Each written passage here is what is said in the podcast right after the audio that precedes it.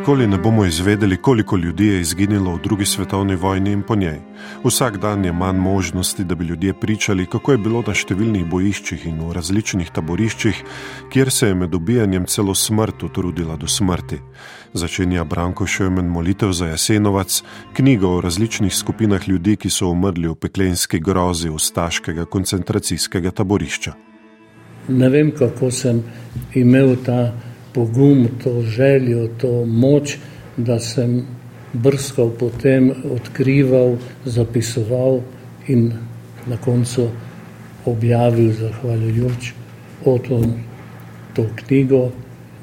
Upam, da jo bodo tisti, ki jo bodo prebrali, ugotovili pravo stran te resnice, ki se še vedno prikriva o kateri se na Hrvaškem še vedno ne govori. Tu je še vedno debata, ali je krik za dom spremni ustaški, ali ga treba prepovedati. Načelno so ga prepovedali, ali v posebnih primerih se lahko uporablja, kar je en, en oportunizem, ki s politiko, s diplomacijo nima nikakršne zveze. Molitev za Jesenovac je psihološka drama, filmsko stopnjevana pripoved šestih zgodb smrti, ki drži v napetosti in neprenehoma šokira. Še omen opisuje tragične osode nejudov, ki so končali v taborišču smrti, slovenske duhovnike, Rome, prostozidarje. To je ena krvava pripoved resnice, kakršno sem videl jaz in kakršno sem zbral na podlagi tekstov ki sem jih dobival. Tam je recimo podatek, da je sedem slovenskih duhovnikov končalo v, v Jasenovcu. To so bili duhovniki, ki jih je Mariborska nadškofija poslala, da so delali v Međimurju in ko je prišel Pavelič na oblast, so oni ustali. In eden od njih, leto dni kasneje, 10. aprila, ko je bila obletnica ustanovitve NDH, v cerkvi ni hotel brati svečane maše Tedeum in tam so ga potem ustaše zatožili, aretirali, odpeljali v Jasenovec in ubili na krut način, prerezali so mu s posebnim nožom, nožem, ki se je imenoval srbonož vrat šest ljudi so slovenskih duhovnikov so na ta način ubili.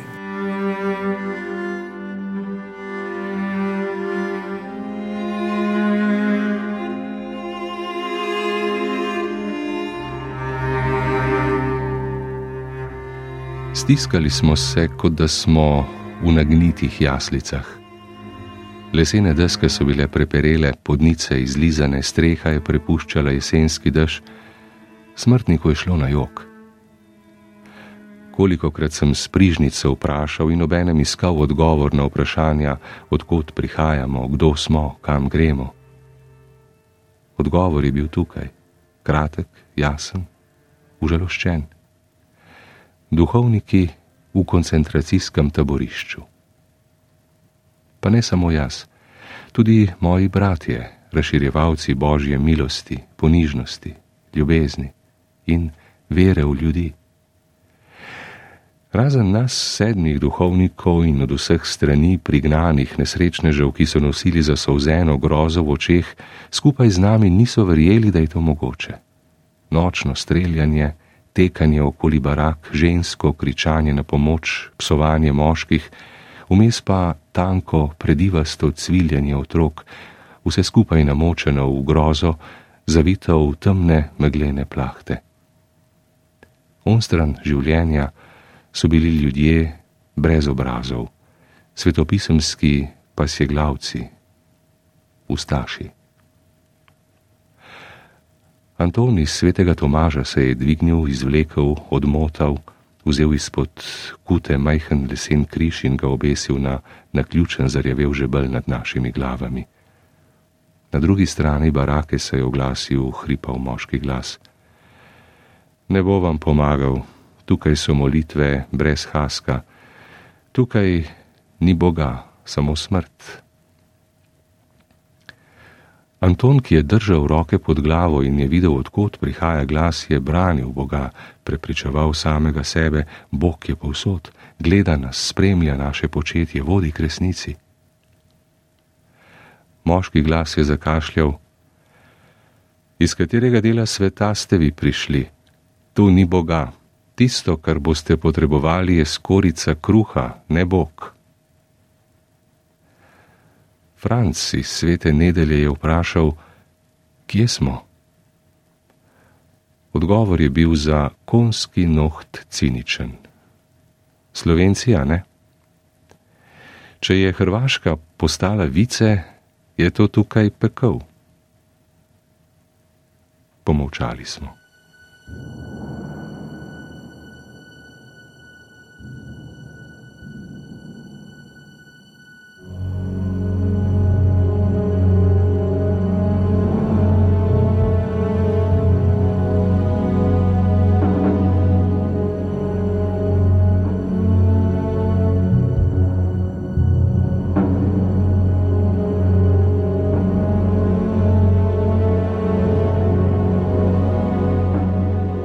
Je bil še en človek, ki je zelo trpel, to je bil en hrvaški intelektualec, med drugim tudi prosto zidar, ki so ga mučili na ta način, da so mu naredili eno kletko dolžine 80 cm, višini 45, širina 30-40, ga vtaknili vanjo kot vtaknemo svinja, kadar jih peljemo na, na sejem.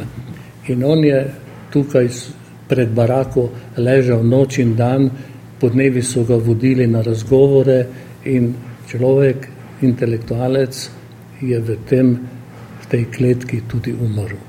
To, to je res, to, to sem napisal in to je spet ena od teh pretresljivih zgodb.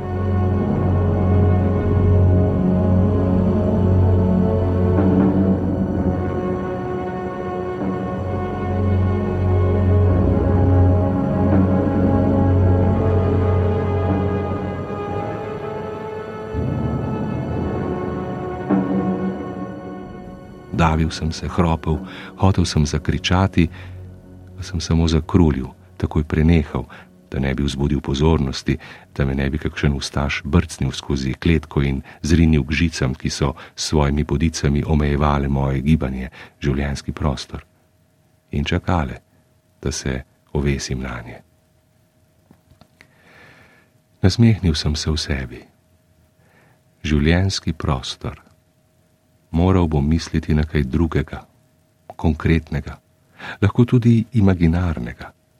Žena mi je vedno govorila, da imam neozdravljivo domišljijo, da gradim gradove v oblakih, da v te gradove vabim tudi njo, dokler nisva skozi podnice sestavljene iz oblakov padla na zemljo, na travnik za hišo.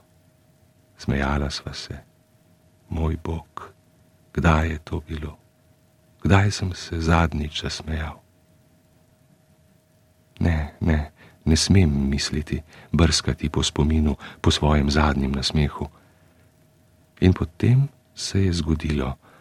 Bila je nagla montaža, najbrž sem se nasmehnil, najbrž se mi je nasmehnila sreča, najbrž se me je Bog usmilil, saj vsak človek v nekaj veruje, vsak ima svojega Boga in majhen rožnat dojenčkast črv se mi je približeval kot najslastnejši tunajski zrezek prikazal se je za mokre grude, se zgrbančil in potegnil telo naprej proti meni, se usločil in spolzel proti meni, kot da je na cesti in ne more zgrešiti.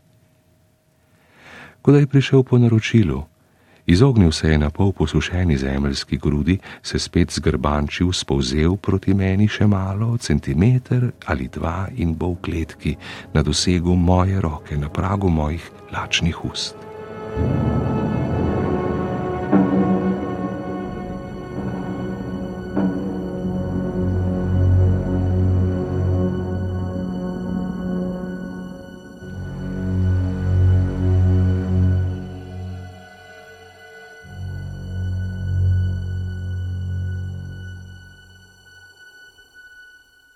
Napisal sem knjigo, kako so uničevali takrat cigane. izraz Romi je nastal šele po drugi svetovni vojni. Ti cigani, ko so, ko so jih pripeljali, niso bili registrirani, niso bili vpisani, ampak so jih zaprli v eno barako, to barako so zaprli vsa okna, vsa vrata, pripeljali z avtomobili suhi grah za luščenje. Vsakemu so dali palico, da je mlatil po tem grahu in dogajalo se je nekaj, kar ni nihče predvideval, iz tega graha je, se je dvigal prah. In ta prah je bil gost, gost, gost, tako gost, da so, cigane, da so te cigane zadušili s tem prahom. Ustaši so se strašno hvalili, češ Auschwitz ima plin, mi imamo prah. Ne? In to prah iz graha. Ne? Ta podatek sem našel v pismu oziroma eni, enem tekstu sedmega slovenca, ki je preživel Jasenovac, bil celo pri eh, Škofu v Stepincu in kasneje napisal v enem majhnem katoliškem časopisu to reportažo, ki pa je bila takrat leta 1951 zaplenjena. Nekako sem, sem povezal z nadškofom slovenskim, ki je še živel smehom in on mi je poslal ta tekst in na podlagi tega teksta sem napisal to zgodbo o grahu. Nikjer nisem prebral te tragedije, na kakšen način so ustaše ubijali cigane. To je nekaj, kar ne samo, da je filmsko, to je, to je grozljivo v bistvu.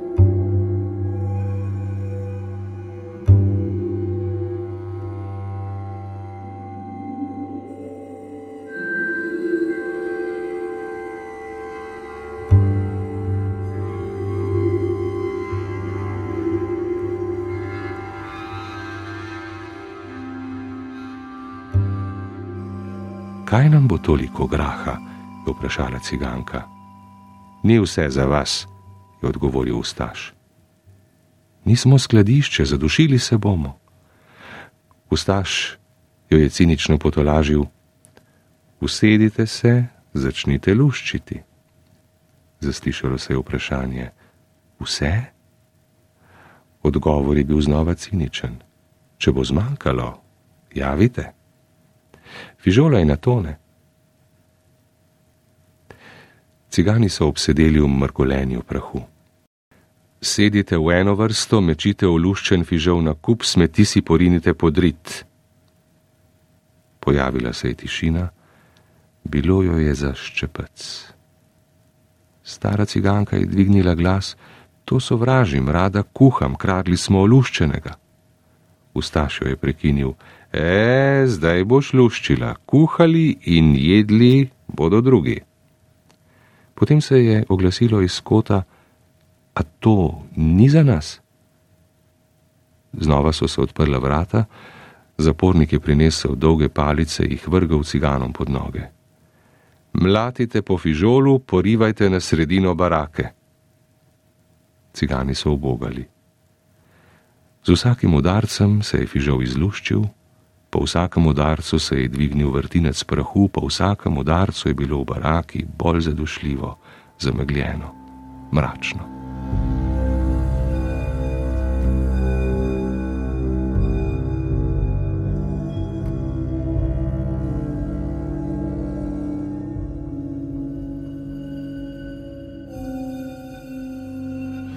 Kako je bilo mogoče, da so se zgodila takšna grozodejstva in kako jih v prihodnje preprečiti? Ne vem, danes mislim, da je vse politika. Ne, to je Nobelovka Simborska lepo rekla, grem po gozdu in gost je političen. Jaz sem potem navezal razmišljanje, danes človek gre v trgovino in gledaš, da kupiš najcenejšo konzervo. To je politika, ker nimaš denarja. Ne mi nismo ljudje, ki bi lahko spremenili svet. Eh, eksistira eno prijateljsko združenje, ki zbira okrog sebe ljudi na dobrem glasu, z namenom, da bi ti ljudje bili še boljši. Kaj ti tam, kjer živijo dobri ljudje, tam je malo zla. Jer kaj ti eh, nekoliko filozofov od starih grških je zapisalo, največjo človeško zlo je zlo. Vsi ljudje so zlobni in od tod izvira cela filozofija, nasilje, nacizem, komunizem, vse strukture, tudi stranke. In mi smo tu en mali drubiš, ki se izgublja v tem zlatem pesku ničevosti. Tako da jaz kot avtor sem svoj opus v glavnem končal, dotaknil sem se v literaturi dna s to molitvijo, odmolil sem svoj zasebni oče naš in vam na to vaše vprašanje ne morem odgovoriti. Oprostite.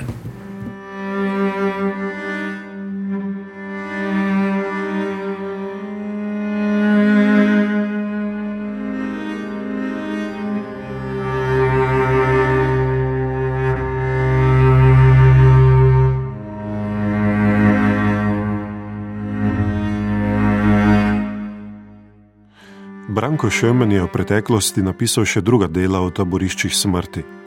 Oskarjevec Branko Lustig ga je spodbudil k pisanju filmskega scenarija v Auschwitzu, pozneje pa je iz njega nastal roman Tišina za oči. Ob raziskovanju je prihajal v stik z deli o Jasenovcu in se pogovarjal s preživelimi. Vsak človek v življenju najprej zaide v prostor izgubljenih korakov. Iz tega prostora skuša priti v drugi prostor, si razširiti obzorja.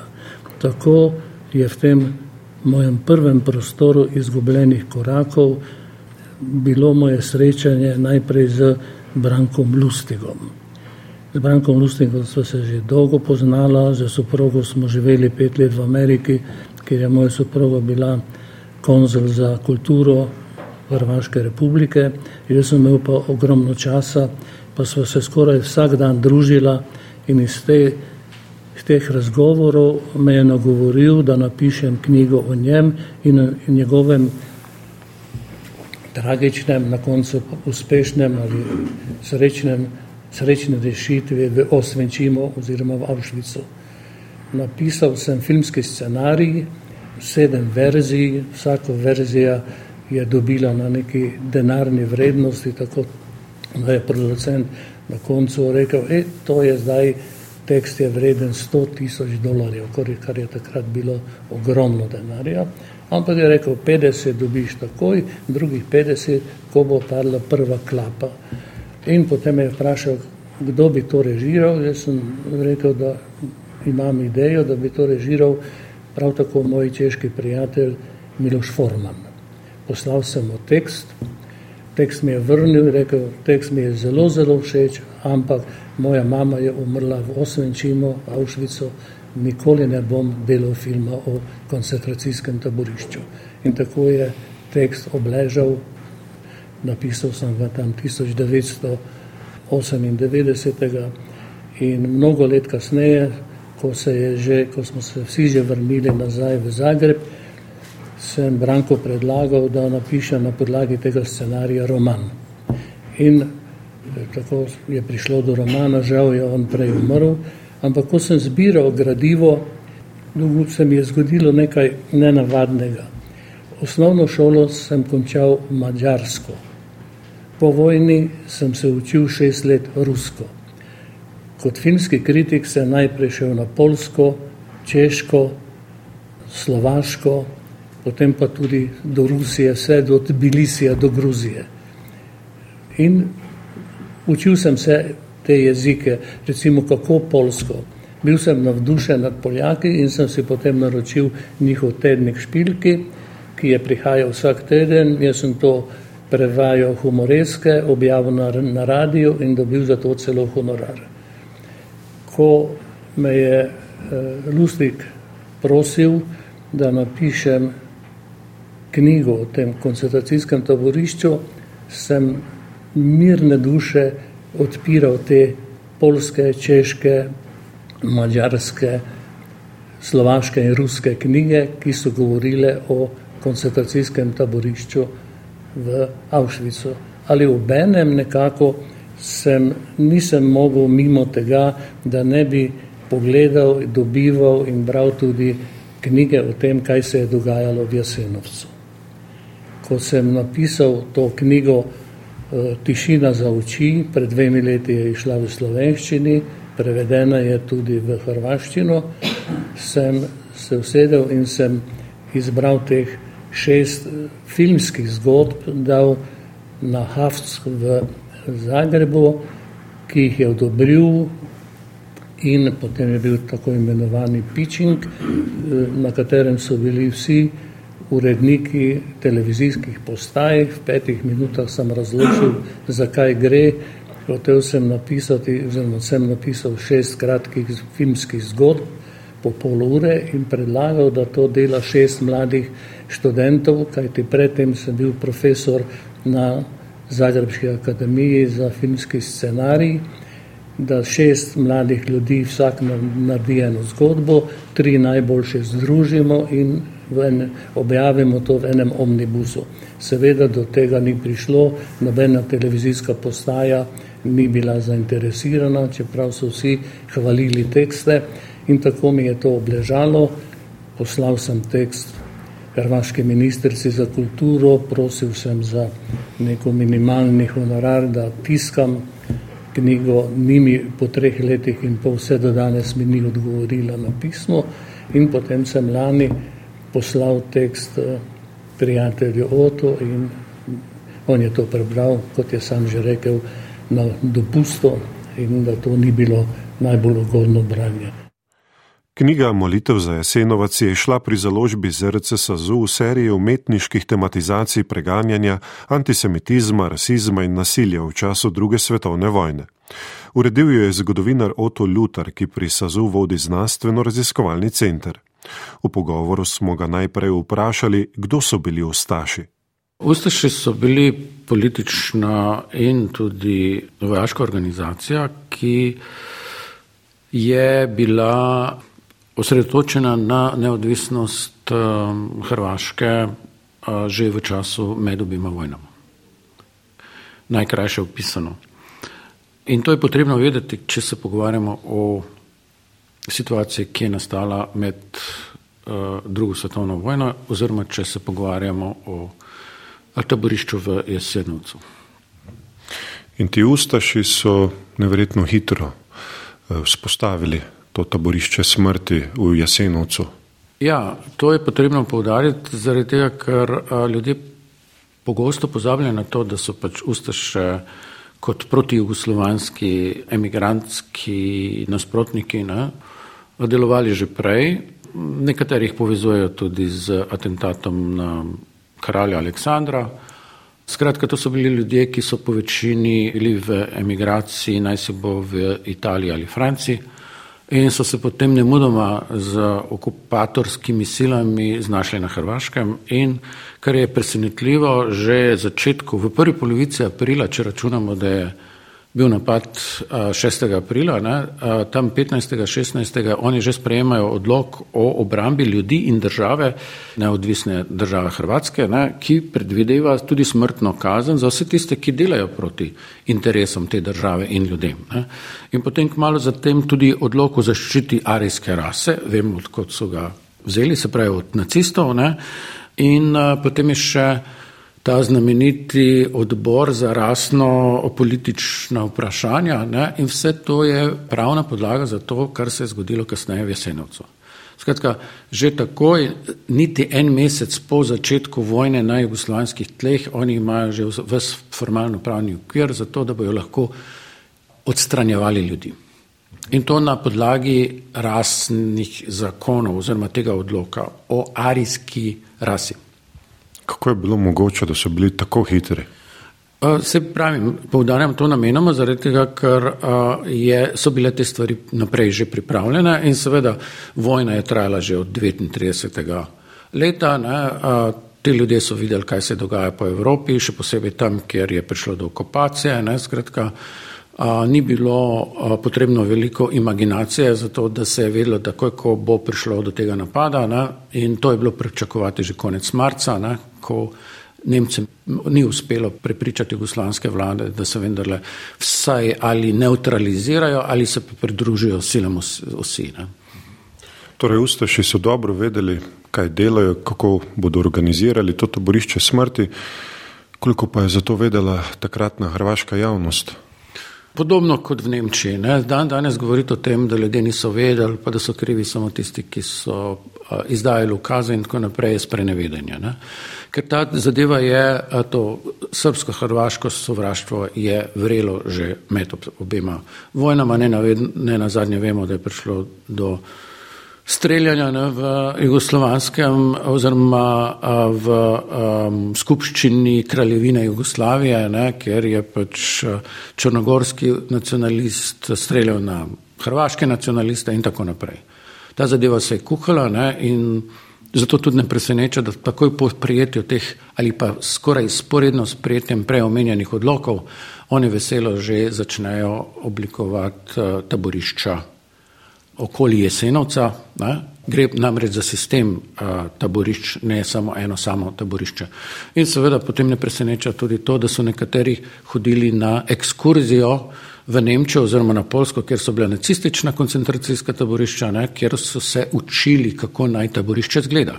Torej, Jesenovec, to je treba povdariti, je bilo tipično koncentracijsko taborišče, zgrajeno na podlagi znanja pridobljenega v nemških oziroma nacističnih koncentracijskih taboriščih. In kako so nacisti gledali na Jesenovac?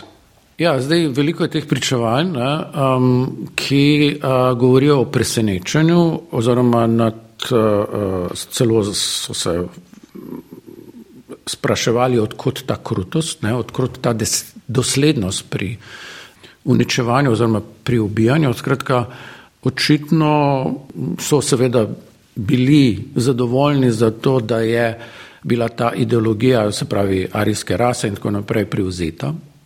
Po drugi strani pa seveda jih je presenetilo, na kakšen način se je to a, dogajalo. Zdaj, če vzamemo kot predpostavko, da je pa pač streljanje ali pa izčrpavanje z pomanjkanjem hrane kaj bolj humano. Ne?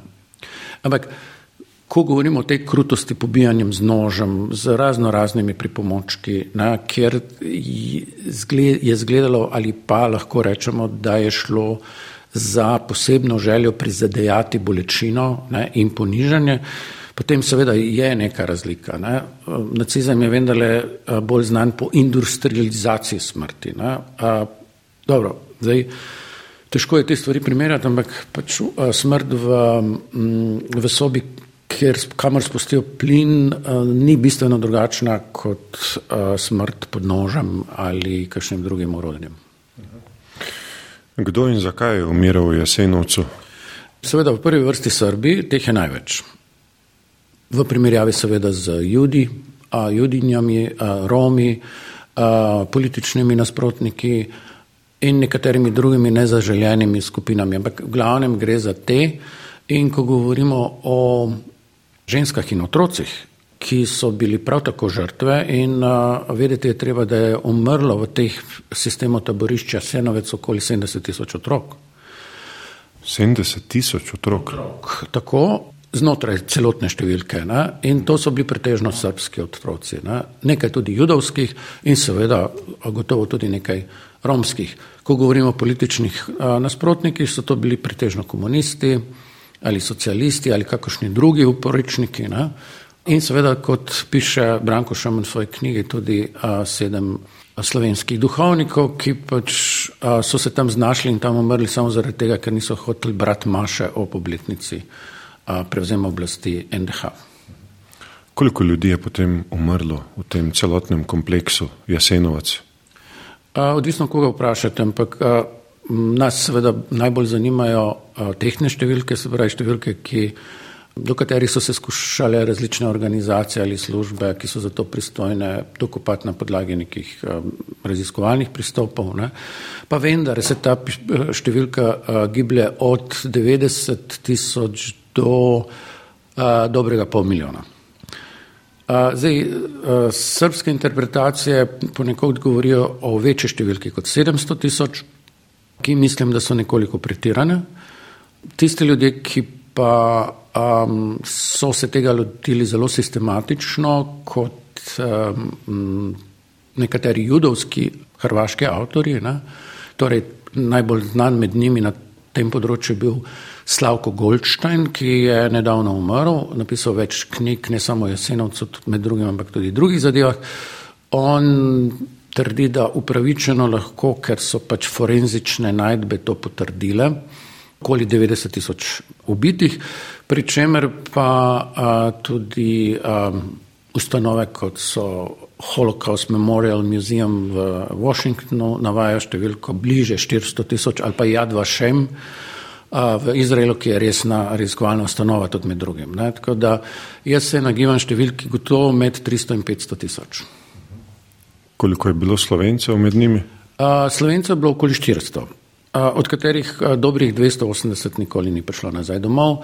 In med temi je kar nekaj prekmurskih judov, ki so se tako ali drugače znašli pri svojih sorodnikih v Međimurju ali pa v drugih delih Hrvaške.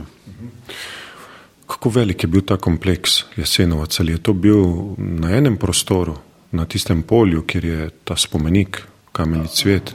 Ja, centrala je bila seveda ob Savi, tam, kjer je zdaj tudi spominsko obeležje oziroma tudi muzej.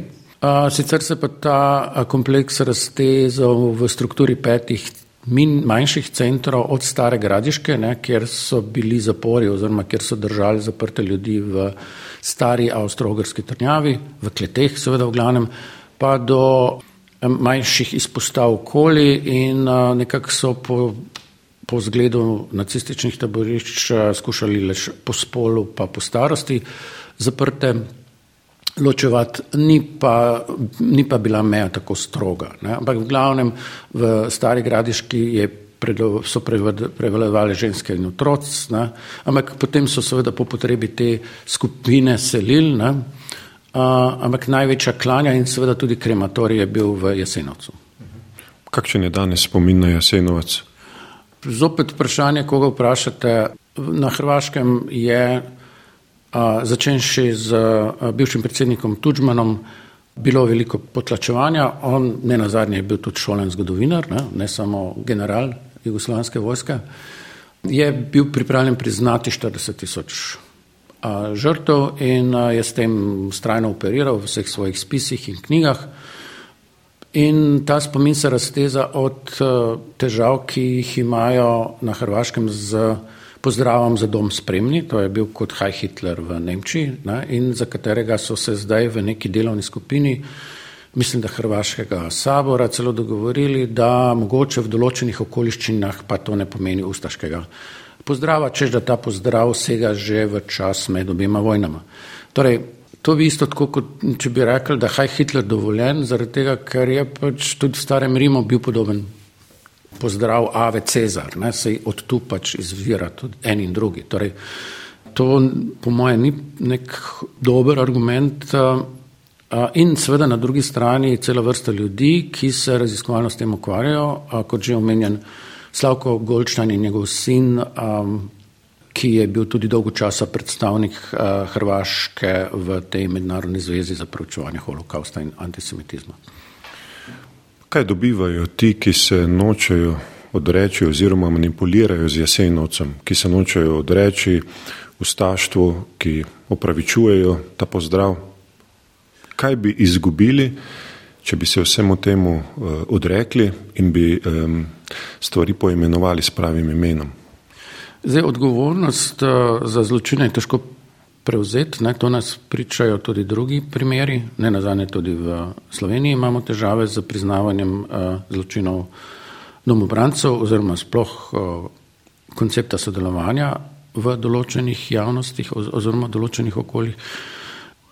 Poglejmo recimo vprašanje a, polskega zakona, ki prepoveduje komorkoli, ne samo prš polskim državljankam in državljanom, da govorijo o odgovornosti ali pa so odgovornosti Poljakov za holokaust. Ne. Mišljeno je tudi a, zločini, ki so bili storjeni ne samo med vojno, ampak tudi po vojni, a, kar nekaj judov, ki so se vračali na svoje domove, misleč, da bojo lahko mirno zaživeli, so pač pobili po vojni, a, njihovi polski sosedje. Razen recimo v Nemčiji, kjer nekateri govorijo o sposobnosti prevzema krivde. Ne? In to ne samo zaradi tega, ker so jim pač američani in britanci potem, ko so zasedli določena ozemlja Nemčije, ne? ko so se razvili, to, to nekako silili, ne? ker so jih želeli privzgojiti ampak mislim na to pravo uh, pripravljenost uh, obžalovanja. Recimo mislim na Karla Jaspersa, filozofa nemškega, ki je 20 let po vojni napisal čudovit tekst o vprašanju krivde. Ne? In ker piše o tem, da pač se ni mogoče izgovarjati na to, da pač se je delalo po ukazih. Ne? Torej, če ljudje nimajo dokazov za to, da so se trudili za to, da so to preprečili, potem ne morejo ugotovili, da so nadolžni, čeprav niso bili nikoli izvrševalci zločinskih dejanj. Torej, um, in seveda mnogi drugi avtorji, ne, da ne omenjam Adorna, ne, ki se je spraševal, ali je kulturna dejavnost skozi to poetično vprašanje, ali je poezija po, po Avšvicu še mogoča. Ne, skratka, Cela frankfurtska šola, oziroma tisti, ki so se vrnili iz Amerike, so se ukvarjali vprašanjem nacizma ne, in uh, holokausta. Torej, lahko bi govorili, da je uh, ta namen priznavanje krivde in seveda ne samo priznavanje intimno ali pač čisto formalistično, temveč tudi z takšnimi gestami, kot je recimo, ko je Willy Brandt v 70-ih letih padel na kolena v, v Varšavi. Ne, ob spomeniku Varška, Varšavskega geta ali pač uh, plačevanje um, žrtvam ali njihovim sorodnikom in tako naprej. In, tako naprej. Torej, in cela vrsta spomenikov, pač, uh, obnova sinagog, torej ne gre samo za simbolne geste, ne gre samo za zakon, gre, tudi, gre namreč tudi za očkodnine in vse to, kar se je. In seveda za šolski kurikulum, kjer se otroci in dijaki v Nemčiji o tem uh, veliko učijo. Ampak odkot izvira to nepriznavanje, kako daleč seže nazaj ta vez eh, s temi zločinci, ne na zadnje? Ja, v prvi vrsti so to bili naši ljudje. Naši ljudje, ki niso sposobni teh zločinov v resnici in se jim to učita, to se jim podtika. A po drugi strani pa seveda veliko bolj cela zadeva povezana s sedanjostjo in prihodnostjo. Torej, če da nimo neka bolj um, konzervativna politična ideologija ali pa vsaj struja gradi na nekih vrednotah, ki, na katere so prisegali tudi zločinci, potem mora te zločince vsaj do neke mere neutralizirati oziroma jih osvoboditi neke krivde. Ne? Torej, s tako zgodovinsko pretlago je težko delati uh, kredibilen politični program, demokratični program za prihodnost. Ne? In podoben refleks, eh, podobnemu refleksu lahko sledimo tudi v Sloveniji. Ne. So določene politične opcije, ki mislijo, da so domobranci bili res uh, ljudje, ki so se uprli komunizmu, ki so hočeš nočeš bili prisiljeni v kolaboracijo. Ne. Vse te stvari so historično analizirane, prediskutirane in uh, kažejo na to, da so se ljudje iz čiste preračunljivosti odločali za sodelovanje, ali da so tisti, ki so jih vodili, naj se bo uh, crkvene ali posvetne oblasti, v to napeljevali. Ne, zaradi nekega, neke, nekega scenarija, neke, nekega računa, nekega preračunavanja boljših možnosti. Ne. In zelo pogosto, seveda, najbolj uh, trpijo tako imani navadni ljudje. Ne. Tisti, ki pač se ob pomankanju ali samozavesti, ali vedenja, ali zato, ker so navajeni delati to, kar se jim je rekel v cerkvi ali pa na neki lokalni politični ravni, ne, da je tako prav. Ja, seveda, se je, to je bilo moje vprašanje. Kdo je tisti, ki je najbolj preračunljiv ne, in kdo ni kriv, ne, ker vsi niso delali enakih računov oziroma se teh računov zavedali. Ne. Ja, seveda, in zato je tudi zanimivo vprašanje, kaj se je pa zgodilo s temi ljudmi, ki so bili formalno zares najbolj odgovorni. Recimo zdaj za Jesenovac. Ne? Govorimo o ljudeh, kot je Vjekoslav Luborič, ne? Ki je bil odgovoren za cel projekt ne? in še pred njim Majstorovič, kasneje potem znani Dinko Šakič, ki so ga zaprli šele v tem stoletju ne? in je potem par let kasneje umrl naravne smrti v zaporu. Pol, seveda najbolj znan in najbolj iskan Ante Pavlič je najprej pobegnil v Argentino, ker je bil ne na zadnje celo svetovalec za varnost pri predsedniku Peronu, neofašistu tudi, ne? in ker je preživel prvi atentat in se potem moral umakniti z Argentine v Španijo, ker pa je za posledicami drugega atentata leta 1959 umrl. Ne? in pa seveda um, nekateri drugi, ki so jih izsledili, ampak to je samo peščica od okoli tisoč ljudi, ki so bili na različnih spiskih kasnejše jugoslovanske oblasti ali pa tudi um, različnih mednarodnih organizacij kot vojni zločinci. Velika večina teh ljudi nikoli ni prišla pred sodišče, uh, velika večina teh je umrla naravne smrti v ZDA, Južni Amerike ali Avstralije. Branko Šemen vam je poslal knjigo Molitev za Jesenovac, potem ko na, na Hrvaškem za njo ni bilo zanimanja. Zakaj ste se odločili, da jo izdate? V prvi vrsti, ker je izjemno literarno delo. In to smo tudi povdali na predstavitvi. Poleg tega pa kot raziskovalna ustanova včasih izdamo kakšna literarna dela, ki tematizirajo tiste teme, s katerimi se tudi sami raziskovalno ukvarjamo. In ko govorimo o holokaustu, antisemitizmu, o teh prelomnih dogodkih, recimo v 20. stoletju, s katerim se ukvarja tudi moj inštitut, ne, je tašno delo dobrodošlo, zaradi tega, ker z njim lahko ponazorimo nekatere svoje rezultate. Ne na zadnje, v tem primeru gre za veliko raziskovalnega dela, ki ga je še meno v resnici upravil. Ne, on se je zakopal vse vrste arhivov, govoril s pričami, imel zaradi tega, ker je prijateljeval z Brankom Lustigom, ki je imel dobre zveze z Holocaust Memorial Museum v Washingtonu, skratka, bil je v stanju dobiti eh, gradivo, na podlagi katerega je napisal ne neke vrste dokuroman. Ne. To, kar govori tam, je razen seveda imen, ki so izmišljena, na, bolj ali manj, razen v prvem delu, ko govori o nekaterih uh, eh, NDH oblastnikih. Skratka, način ubijanja, odstranjevanja, izživljanja, vse to je posledica eh, informacij, ki jih je pridobil iz gradiva ali pa pač od pričevalcev. Ali ste izvedeli kaj novega kot zgodovinar iz te knjige?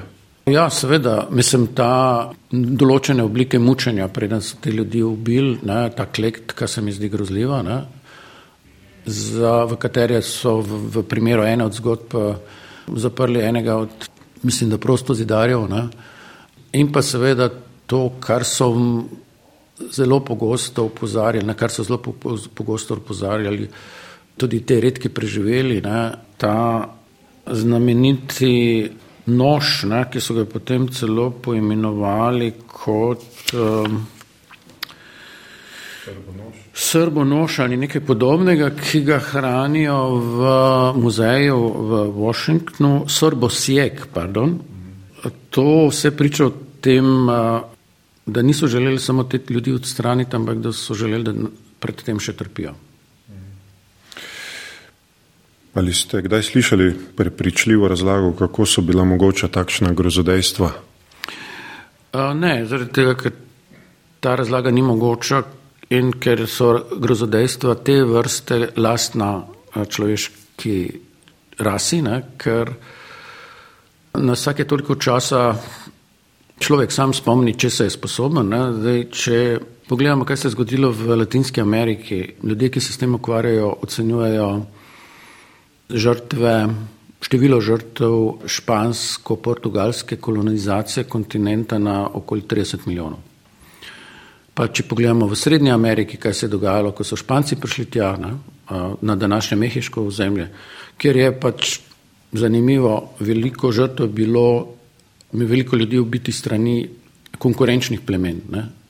oziroma konkurenčnih državic, ne? ki so imele zamere ne? do prevladujoče države ne? in tako naprej, da ne govorimo o, o ameriškem genocidu nad severnimi indijanci.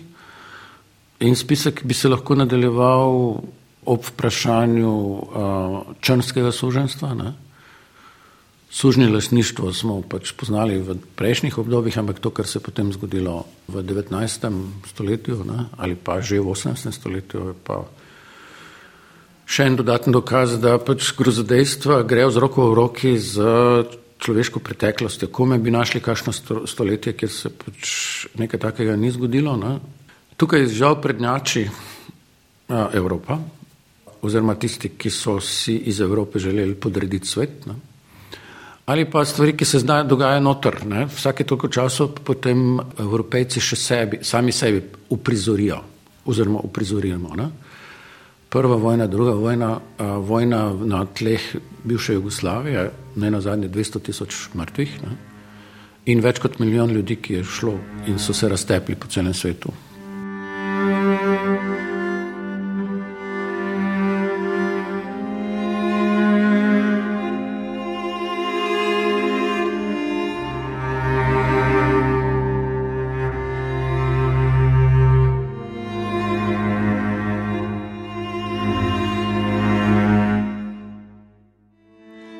Za knjigo Molitev za Jesenovac načrtujejo, da jo bodo prevedli v angliški jezik.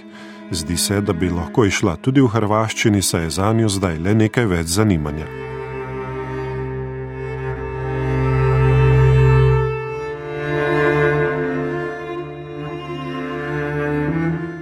V oddaji Ars Humana so sodelovali avtor knjige Molitev za Jesenovac Branko Šemen, njen urednik, zgodovinar Oto Lutar, odlomke iz knjige je bral Renato Horvat, glasbeno opremo je izbrala Darja Hlavka Godina, za tehnično izvedbo je poskrbel Miha Klemenčič, oddajo sem uredil Aleksandr Čobec.